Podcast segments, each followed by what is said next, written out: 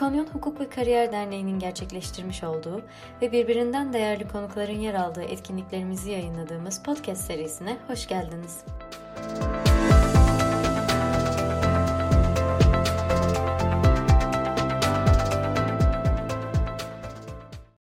Oradan başlayalım istiyor, istiyorsanız. Aynen biraz kendimi tanıtayım. E, ortaokul liseyi e, TED Karabük Koleji'nde okudum. Karabüklüyüm, Safranboluluyum yani aslında. Ondan sonra Yeditepe Üniversitesi'ne yüzde yüz burslu kazandım ve İstanbul'a geldim. Bu esnada üçüncü sınıfta bir Erasmus'a gittim. Kopenhag Üniversitesi'ne Danimarka'daki. Bir altı ay orada kaldım. Geri geldim. Irregular'dım zaten. Regular'a tamamladım böylece. Mezun oldum. E, yasal stajımı gene okurken gittiğim yani okul sırasında gittiğim bir büro vardı. Arada sırada hani bir temas edeyim, dosya nedir, işte hukuk bürosu nedir diye e, öğrenmek istediğim.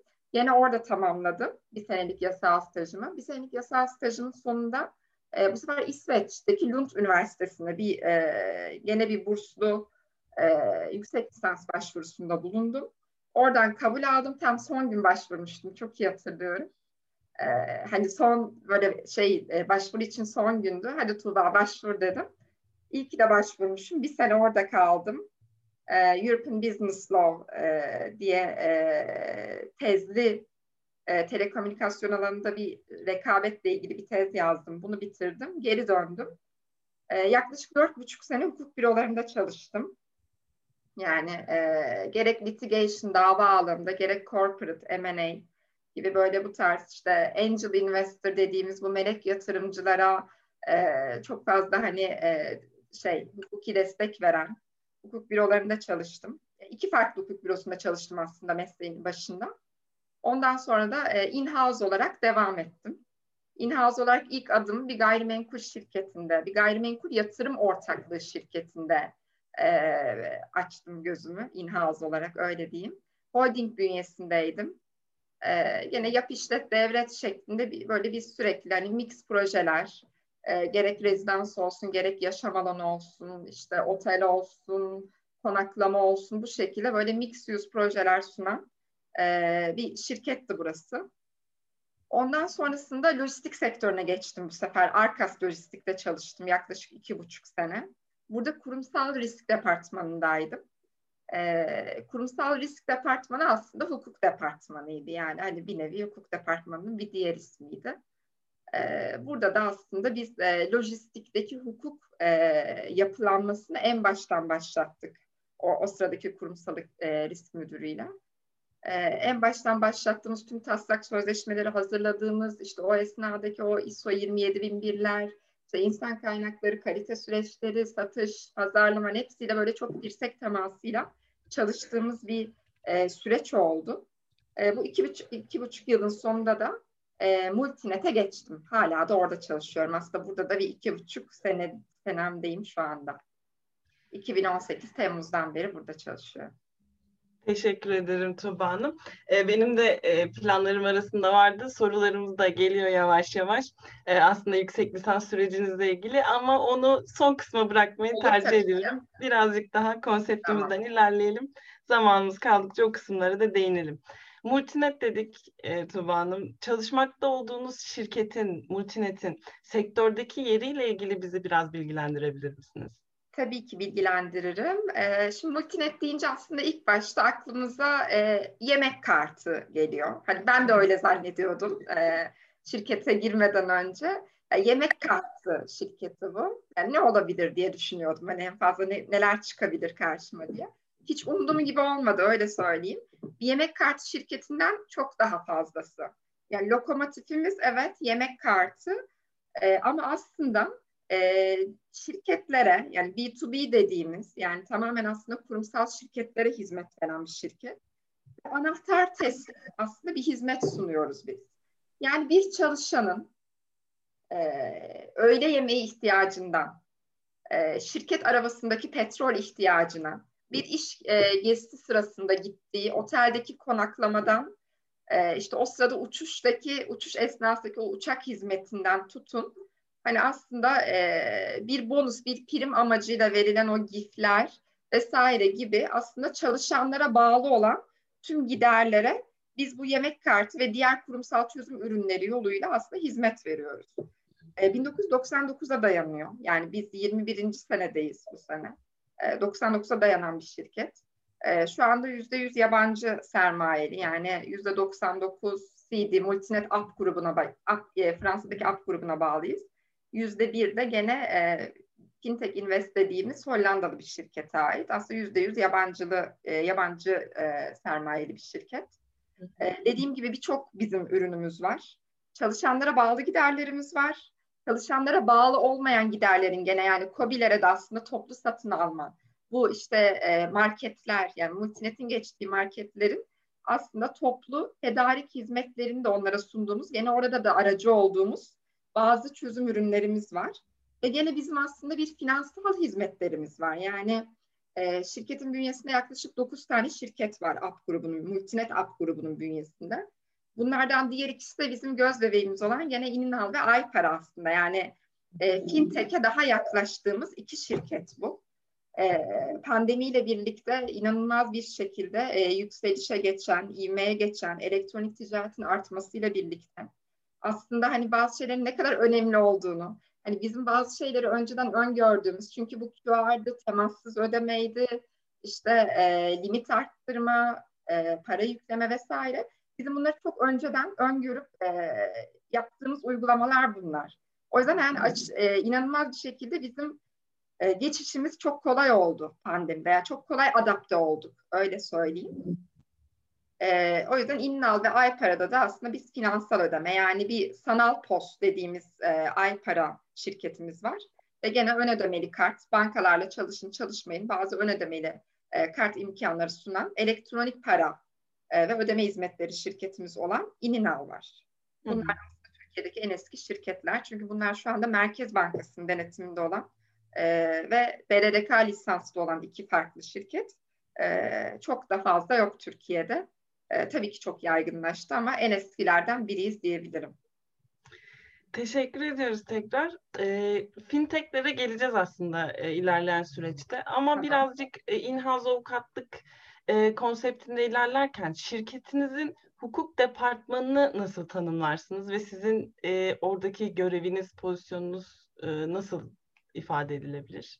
Şöyle, e, biz dört kişilik bir ekibiz içeride. Yani çok büyük bir ekip değiliz aslında. Hani e, şirketin geneline baktığımızda böyle dokuz tane şirket var. E, çoğu aktif olan bu dokuz şirket var ve bunların hepsine aslında farklı farklı hukuki destekler sunuyoruz. E, burada tabii şöyle bir şey var. Çok farklı mevzuatlar içeriyor. Yani biz Multinet'te zaten perakende sektörüne bağlıyız. Ama bir taraftan rekabet kurumu tepemizde. Dolayısıyla rekabete aykırı hareket etmemeye çok çok az çünkü oyuncu var piyasada. Yani siz de biliyorsunuzdur zaten. Hani Sodexo, Ticket, Set Kart, işte Metropol geldi, Turkcell'in geldi, Turkcell'in ödeme şeyi geldi, yemek kartı şirketi geldi. Ve e, bu çok az e, oyuncunun olduğu sektörde de dolayısıyla biz rekabete çok fazla dikkat etmek zorundayız. E, diğer taraftan ay parayla zaten nefes alsak biz haber vermek durumundayız yani Merkez Bankası'na. O kadar regüle bir sektör ki yani kendi içinde inanılmaz uyum süreçleri var. Zaten o oranın ayrı bir uyum müdürü var. onunla çok hani dirsek temas çalıştığımız e, bir kişi bu. E, dolayısıyla hani burada bazen şey oluyorsunuz hani çok fazla okumanız gerekiyor. Yani inanın okumanın sonu yok. Yani e, fintech zaten çok hızlı bir e, sektör tam olarak mevzuatın bağlı olduğu, mevzuatta tam olarak bazı şeyleri yerine oturmadığı kısımlar var. Yine bunlardan da ileride bahsedebilirim. Çok fazla girmiyorum o detaya ama e, çok fazla okumanız gerekiyor. Çok fazla araştırmanız gerekiyor. E, çok hızlı bir sektör zaten. Şirket olarak da herkes çok hızlı, yani projeler çok hızlı ilerliyor. O yüzden biz bu kapsamda aslında e, yaptığımız gene tabii ki hukuk ama operasyonu anlamak zorundasınız. O sözleşmenin ruhuna inmek zorundasınız. Ee, yani o işin gerektiğinde hani sözleşme geldiğinde ya bu siz ne yapacaksınız burada deyip bir telefon açmak zorundasınız gerekli iş departmanına. Yani çok sık aslında e, iletişim halinde olmanız gereken bir departman, hukuk departmanı bizim. Ve aslında biz köstek değil de destek olmaya çalışıyoruz biraz. Yani e, genelde şirketlerde hukuk departmanları e, çok sevilmez. Yani e, aman işte hukuk olmasın, hukuka sorarsak bize hayır derler gibi böyle hani e, bir yaklaşımları da oluyor. Ama biz bu anlamda bu algıyı biraz kırdığımızı düşünüyoruz hukuk departmanları olarak Multinet'in. E, çünkü çünkü hani tamam bu böyle ama e, böyle değil şöyle de yapabiliriz. Yani bunu böyle yaparsak buradan da böyle bir çıkış yolu var. Ya da bu riski alıyorsanız evet buradan ilerleyelim. Zaten riskimiz budur. Çok fazla değildir gibi. Aslında hukuk bürolarındayken benim e, sözleşmeler sözleşme revizesinde ya bu ticaridir diye yorumladığım hani ve onu tamamen e, müvekkilin inisiyatifine bıraktığım noktada ben burada daha fazla inisiyatif almak zorundayım. Çünkü bizden beklenen de bu aslında. Yani in-house avukat olarak bir hukuk bürosunda çalışan avukata ziyade daha fazla işin içinde olmak zorundasınız. Daha fazla operasyonu bilmek zorundasınız. E, hatta gerekirse e, benim aslında böyle bir önerim de olmuştu e, şirkete. Yani biz gidelim atıyorum birer hafta çalışalım mesela her departmanda. Yani call center'da çalışalım, işte müşteri deneyiminde çalışalım, şikayet yönetiminde çalışalım gibi. Yani şu an hayata geçiremedik ama e, bu da planlananlar arasında. Kesinlikle. Yani sizin gözünüzden aslında in-house avukatlık e, operasyonel beceri gerektiren bir e, meslek türü. Kesinlikle. Ee, çok teşekkür ediyorum. Aslında gelen sorularla da biraz e, birleştirmek istiyorum. Fintech alanında çalışmaktan bahsettik. Ee, başta bize yüksek lisans tecrübenizden de bahsettiniz. Ee, kafanızda aslında böyle bir kariyer planlaması var mıydı? Yaptığınız yüksek lisans ya da aldığınız eğitimlerin e, multinete giden yolda e, etkilediğini düşünüyor musunuz bazı faktörleri? Ve multinette bu hızda, bu operasyonel e, güçte çalışmak sizin için ne gibi avantajlar ve dezavantajlar sağladı?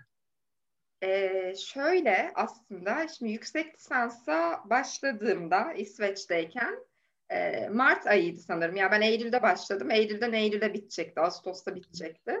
E, Mart ayında ben başvurulara başladım. E, şeylere Türkiye'deki bu işte Legal 500'deki tüm top hukuk bürolarına yazdım. Çünkü zaten o anlamda bir in-house e, şeyim yoktu o sırada öyle kafamda öyle bir e, kariyer planlaması yoktu. Hı. Ama ben iyi bir hukuk bürosunda çalışacağım. İşte İngilizce mi kullanabileceğim, klasik o sırada hani e, 20-22 yaş e, ağzıyla olan İngilizce mi kullanabileceğim bir hukuk bürosunda çalışmak istiyorum e, diye böyle ben böyle bayağı başvuru yapmıştım. Birkaç başvuruda ayarlamıştım daha Türkiye'ye dönmeden.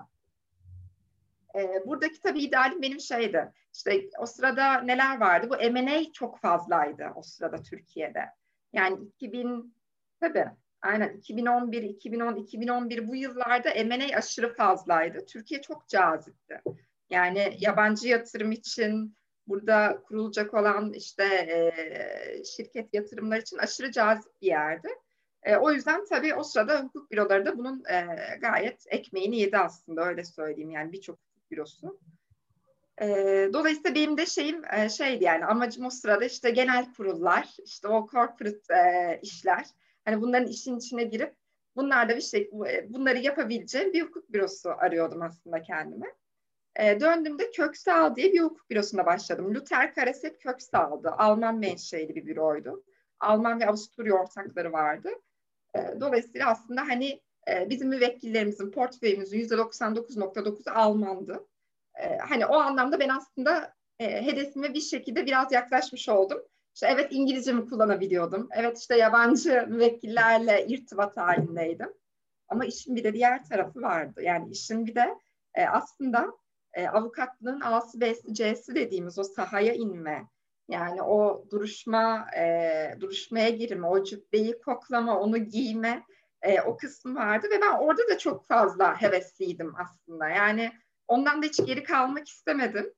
Ee, Batman'da duruşma olurdu, Kilis'te olurdu, Antep'te olurdu, İzmir'de olurdu. Yani Türkiye'nin dört bir yanını dolandım bu şekilde. Ee, zaten o, o yüzden beni dava departmanına verdiler. Yani baktılar hani çünkü kimse istemiyordu dava departmanı hani öyle söyleyeyim ben bizim jenerasyonda. Ee, beni dava departmanına vermişlerdi. Ondan sonra orada ben çok şey öğrendim.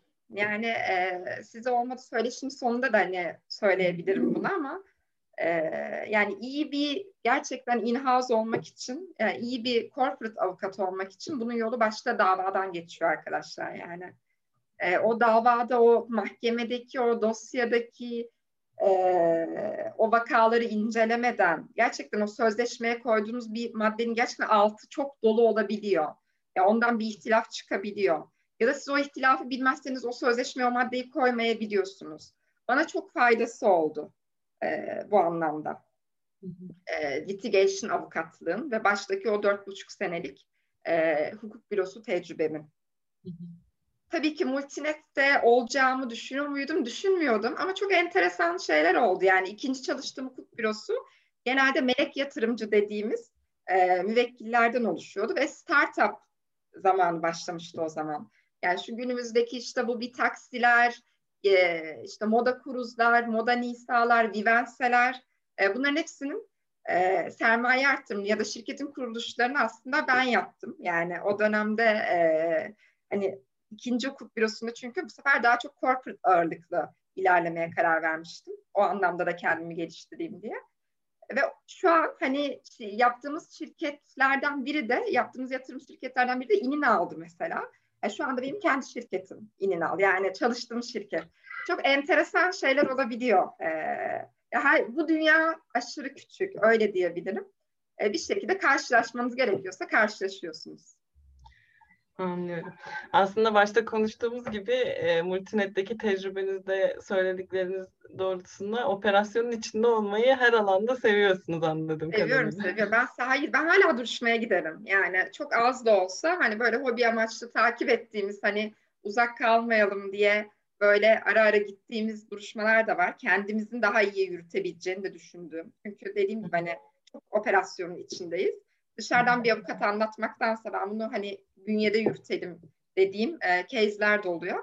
O yüzden hani hala duruşmaya gidiyorum öyle diyeyim. Yani iki ayda bir de olsa, ayda bir de olsa bazen gidiyoruz. Teşekkür ederiz Tuğba Hanım. E, fintechlere tekrar geri dönecek olursak, e, fintech alanında çalışmak e, aslında tecrübelerinizi öngördüğümüzde çok da yabancı olmadığınız bir alan ama fintech özelinde burada çalışmak size ne gibi e, artılar ya da eksiler sağlıyor? Ee, aslında çok da yabancı oldu, olmadığım bir alan değildi. Çok yabancı olduğum bir alandı yani fintech benim girdiğimde. Çünkü hani startup'tan evet startup zamanında bir finans avukatı gibi elim, elimde işte e, hesap makinesiyle payları işte katılımcıların işte e, yüzde oranlarını sermaye oranlarını hesapladığım zamanlar oldu ama fintech bambaşka bir dünya. Hı hı.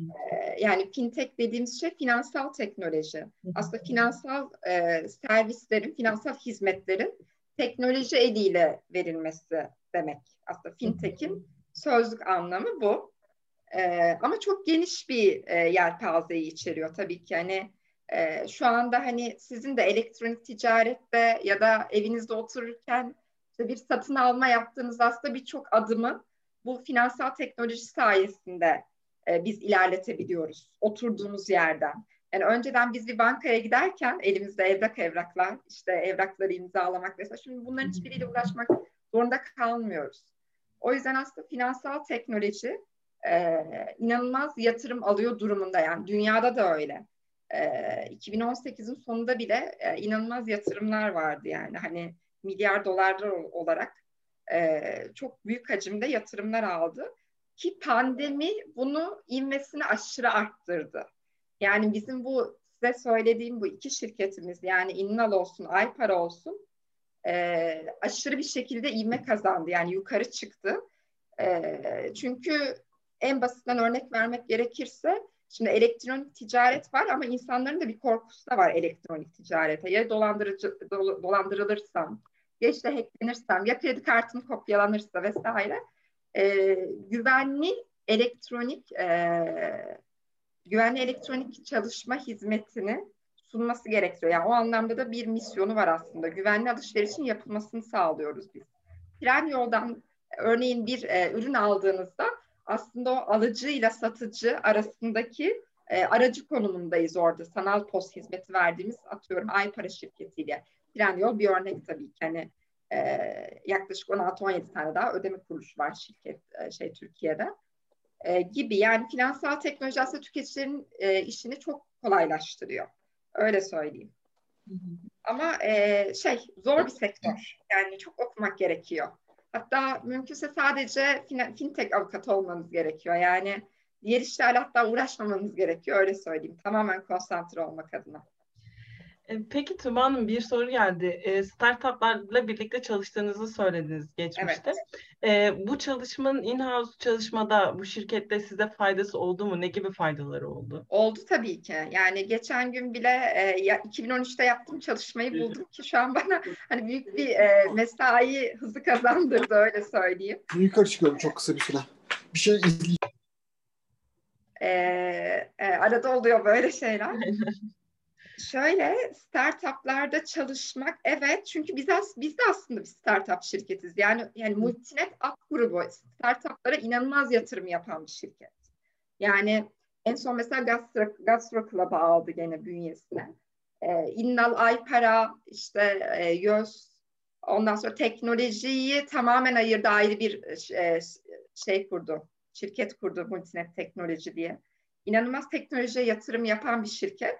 Multinet'te olduğum için evet yani startuplarda çalışmanın faydasını çok gördüm. Çünkü startup dünyasında biliyorum aslında. Yani startupçıların avukatlığında yaptığımız için e, o dönemde yani onların e, heyecanını bile anlayabiliyorum aslında bir yatırım alabilirken.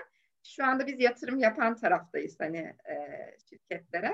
O yüzden o iki tarafı da anlamak tabii ki o doğru sentez oluşturmak bakımından bana çok büyük katkısı e, var. Ama Multinet'te olmasaydım e, olur muydu? Belki olmayabilirdi. Yani yolum burasıymış öyle diyeyim. Yani hiç 2013'te 2018'de Multinet'e başlayacağım bilmiyordum aslında. Evet. Tecrübeler birbirini doğuruyor aslında bir noktada. Evet evet her şeyin bir sebebi varmış yani. Ben de onu söylüyorum. Yani ilk görüşmeye gittiğimde Multinet ha İninal var sizde falan dediğimde evet evet İninal işte şöyle şirketimiz böyle şirketimiz.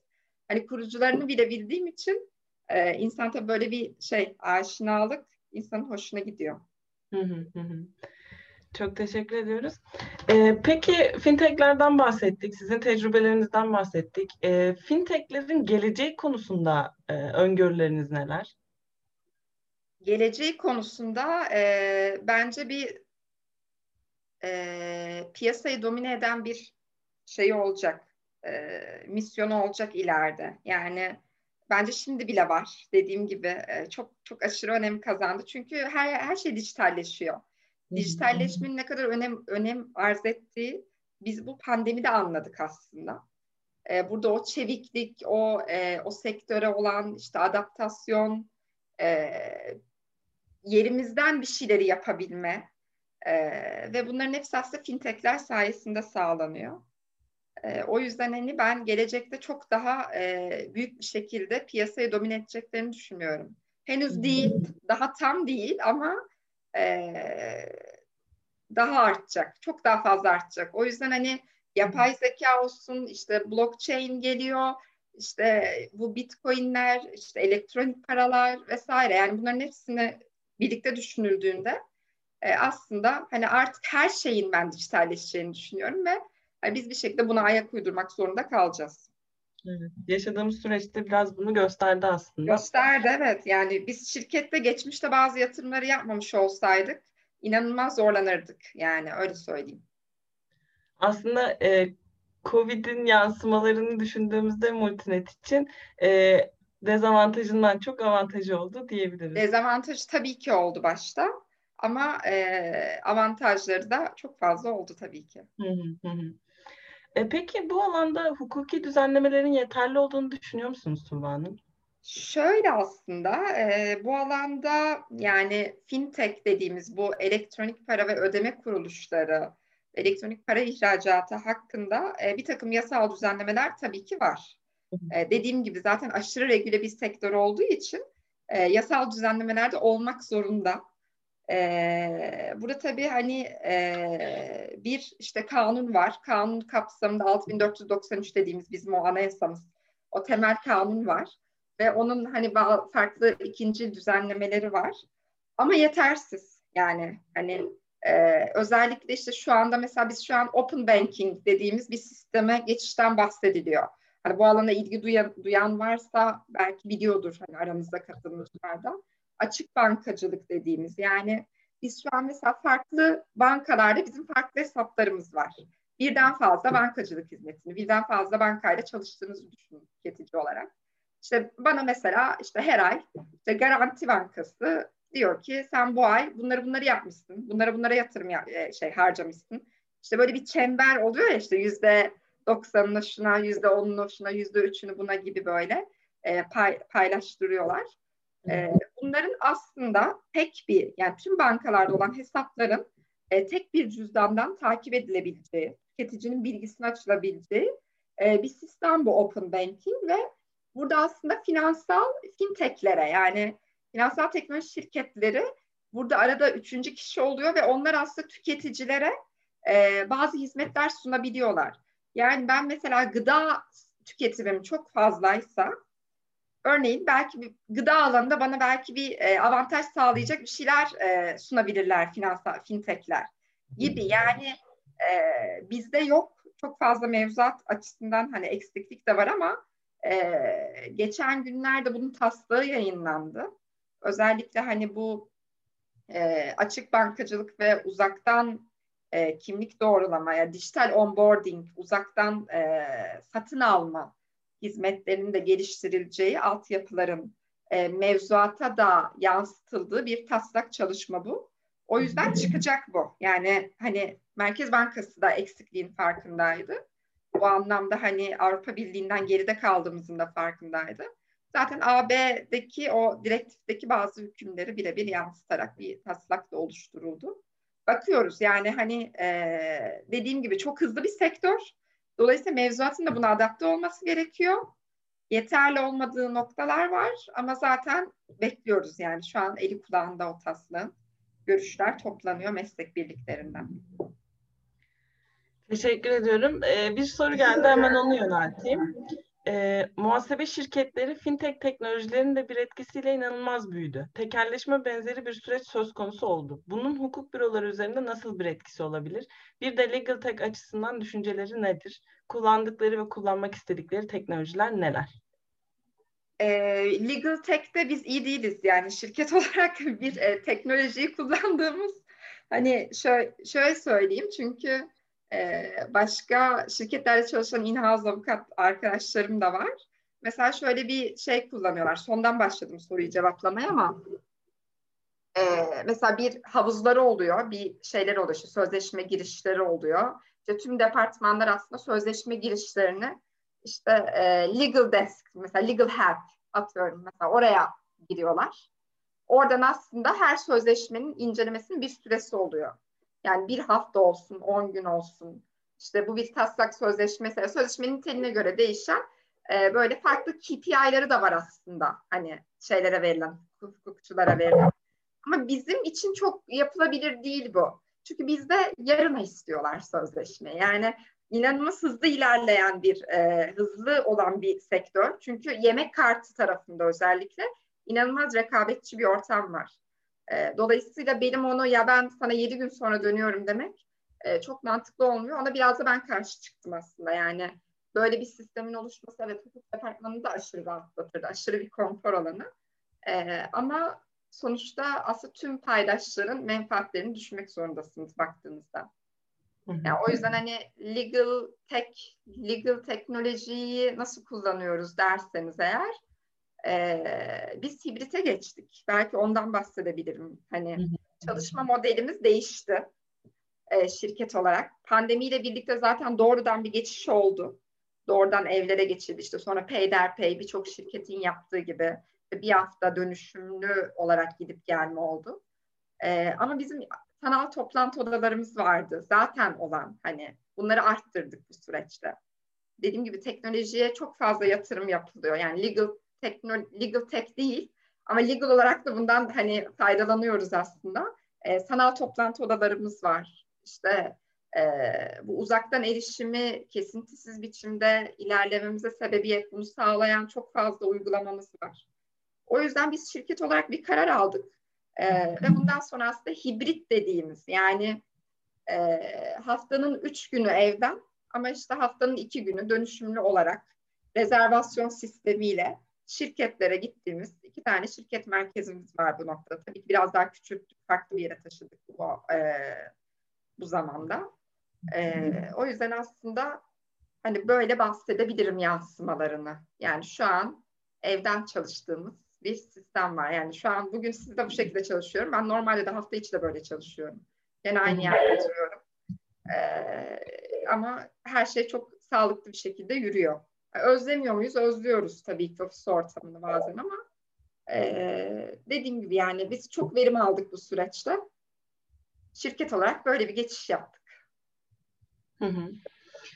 Ofise e, pandemiden sonra ofise dönmek gibi düşünceleriniz var mı şeklinde sorular geldi. Yoksa hibrit Az önce ondan bahsettim aslında. Biz, biz hibrite geçtik. Yani hani e, ofiste dönmek haftada dediğim gibi yani mesela salı günü gideceğim şimdi hani belirli günler var ya da kendime göre uygun gördüğüm günler oluyor. Ee, ona göre biz haftanın bir günü, iki günü, üç günü ama hani bir hukukçu, bir inhaz avukat olarak çok rahat bir şekilde inanın oturduğunuz yerden verebiliyorsunuz yani. Çünkü benim çalışma şeklim de buna çok müsait tabii. Onun da etkisi var. Hani her inhaz avukat belki böyle değildir. Ama biz e, çok böyle yüksek önemde, yüksek önem arz eden toplantıları bile bu şekilde gerçekleştirebiliyoruz. Hı hı. Biraz e, hibrit modelden bahsettiğimizde mesai kavramı, çalışma biçiminiz bu alanlarla ilgili de e, merak uyandı. E, tabii şimdi biz pandeminin başında e, çılgın bir çalışma e, süremiz, mesaimiz vardı. Çünkü aslında pandeminin başında e, bizim yemek kartı yani insanların ilk eğilimleri, şirketleri şu oldu. E, zaten işe gitmiyor, yemeği keselim. Yani hani o anlamda aslında iş hukukunu da biraz böyle iş hukukuna da ters düşen bazı e, uygulamalarla karşılaştık. Yani o yanak dediğimiz e, Yanakkın hani rızası dışında kendiliğinden şirketin inisiyatifiyle e, kapatılması gibi e, bazı uygulamalarla karşılaştık. Dolayısıyla hani bizde böyle bir düşüş oldu. Yemek kartı tarafı travel yoktu. Hani dediğimiz gibi multi travel ürünü hiç yoktu. E, iş gezileri bitti. işte şirkete gidip gelme bitti. Multi petrol de bir düşüş oldu. E, bu ne demek? Zaten çok fazla e, hukuki sorunla karşılaşıyor olmamız demek. İşte bu kısa çalışma geldi, hani işte işten çıkarma yasakları, fesih yasakları vesaire hani çok okuduk yani ve kimsenin bilmedi uzaktan çalışma rıza gerektirir mi gerektirmez mi gibi e, çok fazla hani ilklerin yaşandığı bir e, dönemdi. E, çılgınca çalıştık yani o dönem hani e, pandeminin başında gerçekten hani hani gece gündüz yok diye yani herkes adapte olmaya çalıştı çünkü şirket olarak. Ama sonra şey oldu böyle. E, yavaş yavaş oturdu. Yani şu an işte ikinci kez kapanıldı şirketlere. Ama hani herkes zaten biliyordu bunu. Daha kolay bir geçiş oldu. Ee, ona göre hani e, mesela işte şi, şu an hibrite de geçtiğimiz için şirketin bazı geliştirdiği uygulamalar var. Mesela çarşamba günleri öğlenleri biz ben bilirim diye bir oyun oynuyoruz. Hani Aynen yani genelde böyle şirket ve iştiraklarını tanımaya yönelik soruların soruldu ama böyle ödüllendirmelerin olduğu böyle minik ödüllendirmelerin olduğu. Ya da işte salı cumaları işte akşam 7-8 arası böyle bir pilates var gibi ya da böyle e, Yammer diye bizim şirket içi uygulamamız var. Yani Facebook'un şirket içi uygulamasını düşünün. İşte orada böyle artık hani biraz daha sosyalleşmeye tabii çalışıyoruz vesaire e, zamanla oturdu öyle söyleyeyim. Yani zamanla gitmek zor gelmeye başladı hani. E, ama o da gidince de insan kendini iyi hissediyor tabii. Hani şirkete gidince de böyle bir yüz yüze temasın e, tadı bence çok ayrı. Tabii.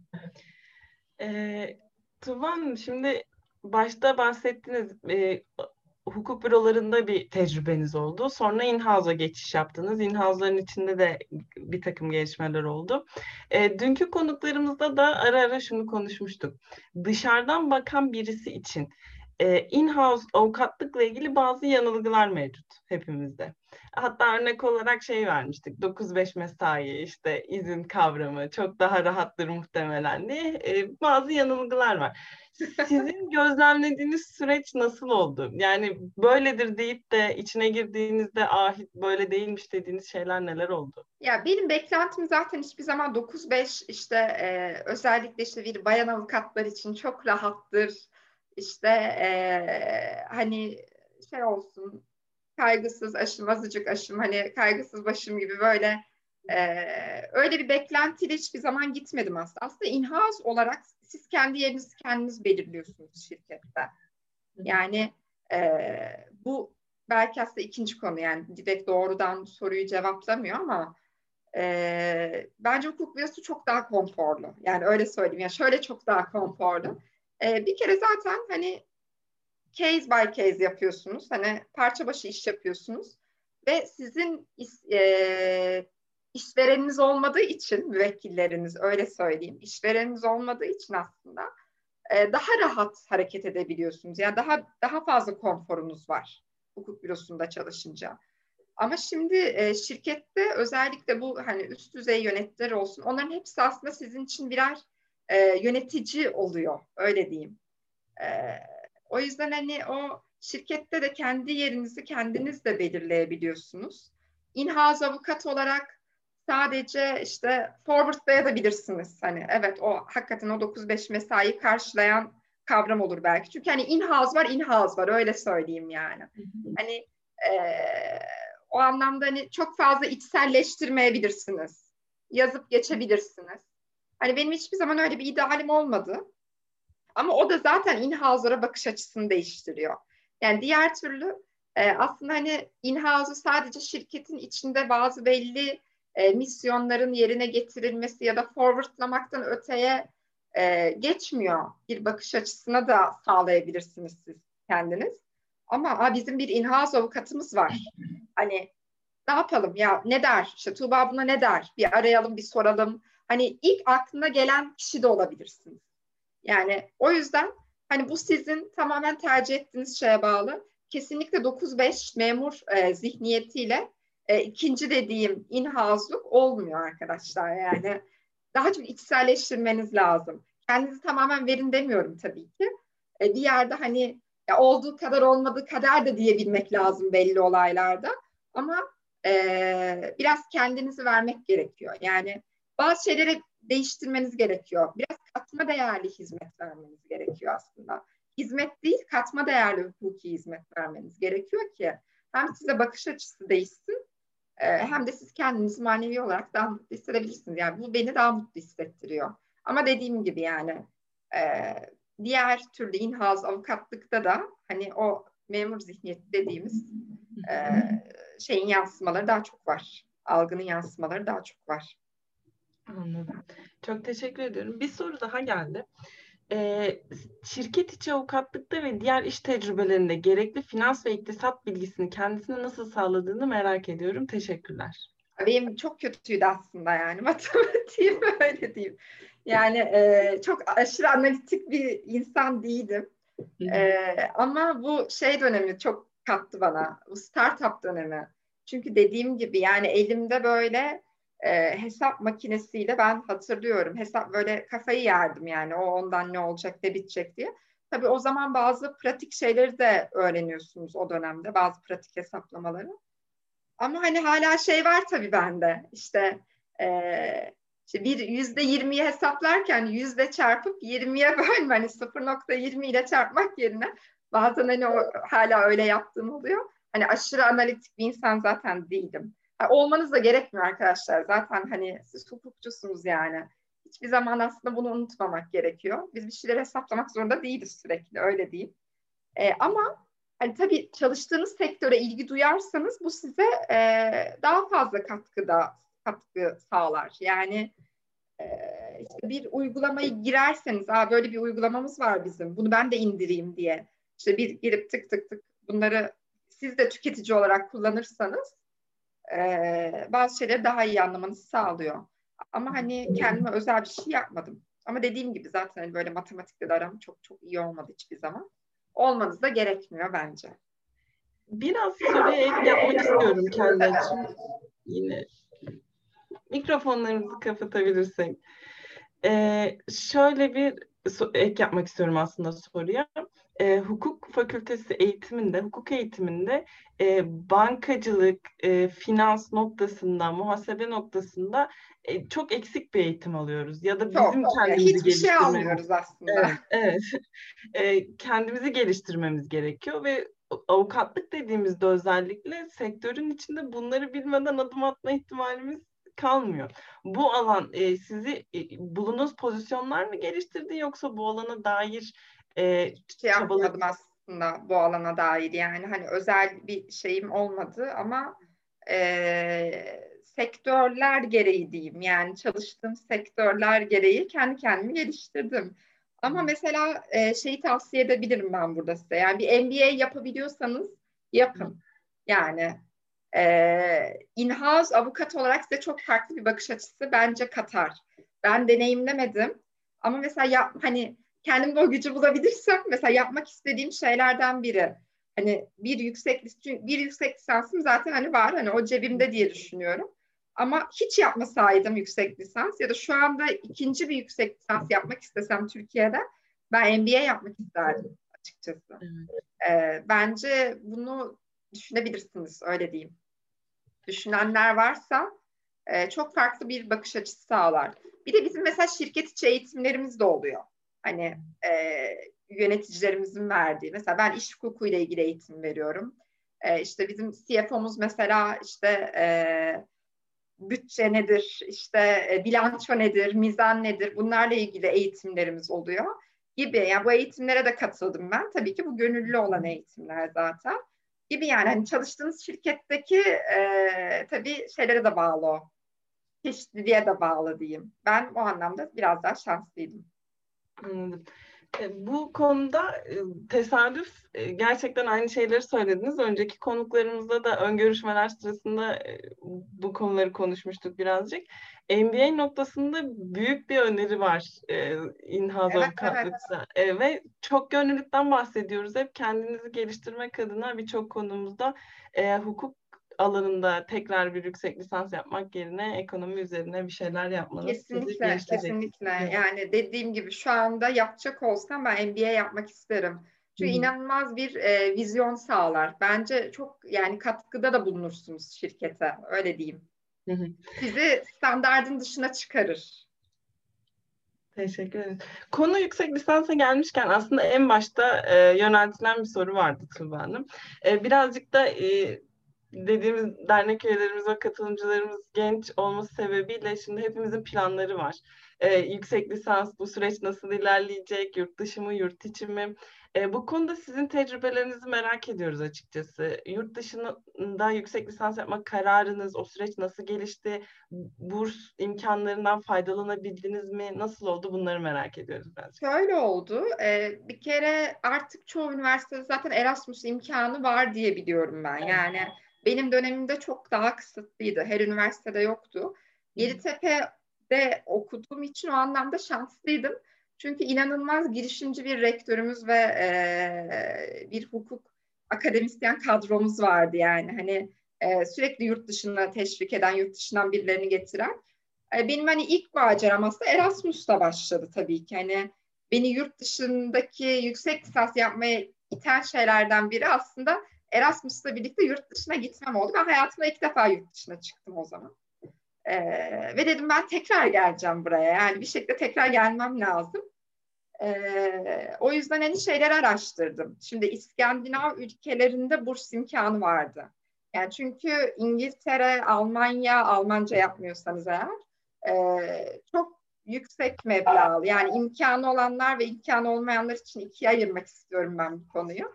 E, benim böyle e, ücretli bir şekilde yapma imkanım yoktu. O yüzden zaten doğrudan burs sağlayanlara bakmıştım. Hani o yüzden zaten kuzeye yöneldim öyle söyleyeyim. Yani Norveç, İsveç, Danimarka, Finlandiya bunlara yöneldim. E şimdi Kopenhag Üniversitesi ile Lund Üniversitesi arasında bir işbirliği vardı.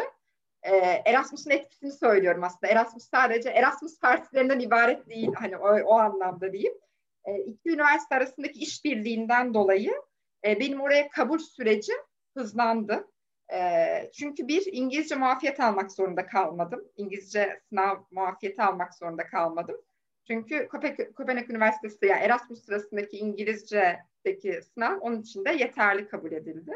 E, vaktim de yoktu zaten. Dediğim gibi son gün başvurdum.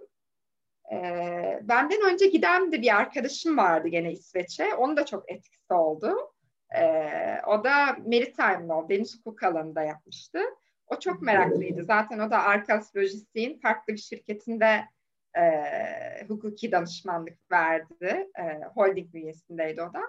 O ona meraklıydı mesela. benim hiçbir zaman deniz hukuku da istemedim. Hani daha genel geçer bir şey olsun istemiştim.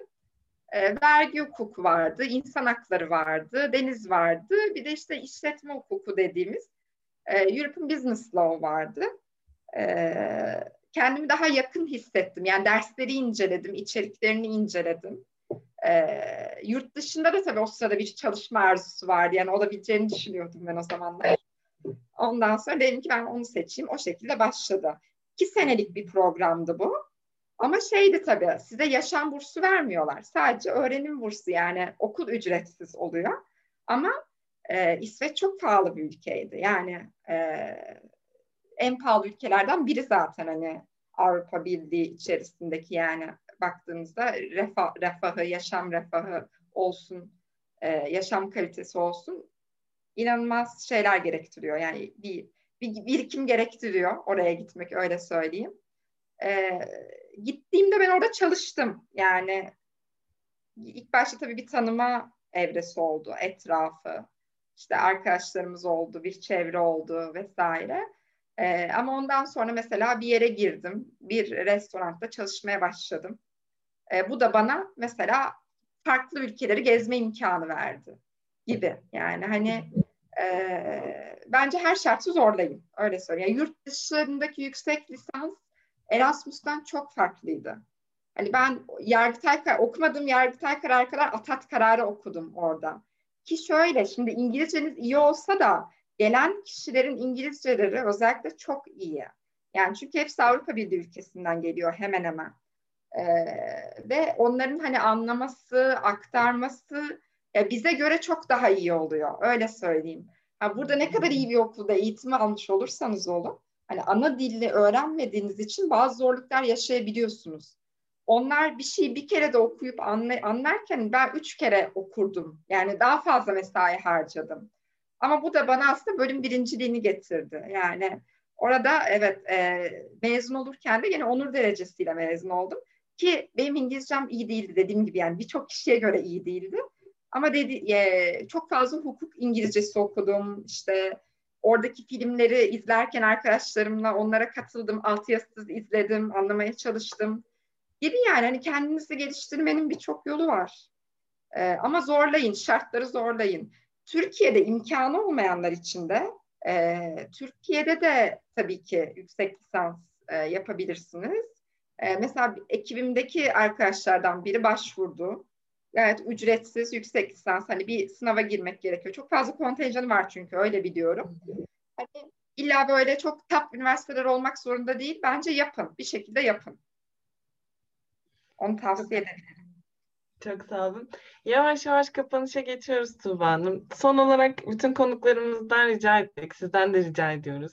Bizlere, genç hukukçulara bir cümlelik tavsiye vermeniz gerekseydi bu ne olurdu? Şimdi tabii buranın konusu aslında in-house avukatlık. Ama ben baştaki e, söyleyeceğim şeyi tekrarlayacağım. Bir keşke sizin yerinizde olabilseydim. Şu anda o kadar gençsiniz ki hani her şeyi yapabilirsiniz. Ee, gerçekten hani o yaşlara döndüğümde e, çok fazla biraz kendimi hırpalamışım da yani onu düşünüyorum ama hiçbir şeyden de pişman değilim. Hani e, o yüzden hani kendinizi geliştirin, çok okuyun, çok okuyun, Network çok önemli. Ben e, çok ekmeğini yedim. E, oluşturduğum network'ün. Tüm kapıları zorlayın, vazgeçmeyin. E, mesela şu anda içinde bulunduğunuz oluşum bile bence size ileride mesleki anlamda çok fazla şey katacak. Çünkü dünya çok küçük. Gerçekten hukuk da çok böyle geniş kapsamlı bir şey gibi duruyor ama çok fazla hukukçu var. Kabul ediyorum.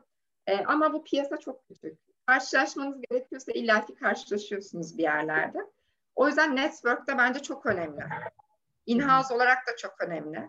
Bilgi paylaşımı, bilgi e, transferi açısından da çok önemli. Kendinizi geliştirin arkadaşlar. Bunu söyleyebilirim. Ve şunu da demem lazım.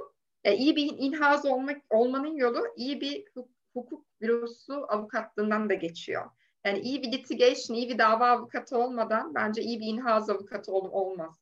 E, çünkü o noktada sizden aslında inhaz avukat olarak şey de bekleniyor. Dış hukuk bürolarıyla olan koordinasyonun sağlanması bekleniyor. Şimdi siz onları eğer dış dünyayı bilmezseniz, sahayı bilmezseniz, dışarıda neler oluyor bilmiyorsanız, Yargıtay'ın güncel görüşlerini bilmiyorsanız eğer, siz denetliyor değil, denetleniyor noktasında kalırsınız. Yani böyle bir inhaz avukat olmayın, öyle değil. Yoksa inhaz avukat aşırı keyifli bir şey. Yani ben çok mutluyum hani şirket bünyesinde çalışmaktan. Yani kendi işinin patronu olmanın da eminim inanılmaz hazları vardır. E, ama kendi yerinizi kendiniz belirliyorsunuz bir e, şirket avukatı olurken. Yani sıradan bir inhaz avukatı olmayın, onu diyebilirim. Kendi yerinizi kendiniz belirleyin şirkette. Her şeye atılın, üstünüze alın. Hani kendinizi hatırlatın. Yani insanların zaten aklına siz geliyor olacaksınız e, belli bir süreden sonra. O yüzden hani risk alın, risk almaktan çekinmeyin. Hani e, riski belirleyin ona göre risk alın. Tabii risk alın derken e, her riski alın demek istemiyorum. Riski belirleyip ona göre riskleri alın e, gibi yani. Aslında edebilirim. Hukuk Çok bürosundan geçiyor ama en başta her şeyi Ee, çok sağ olun Tuba Hanım. Kendi adıma çok şey kazandığım bir oturum oldu. Çok teşekkür ederiz davetinizi kabul Çok teşekkür ederim. Çok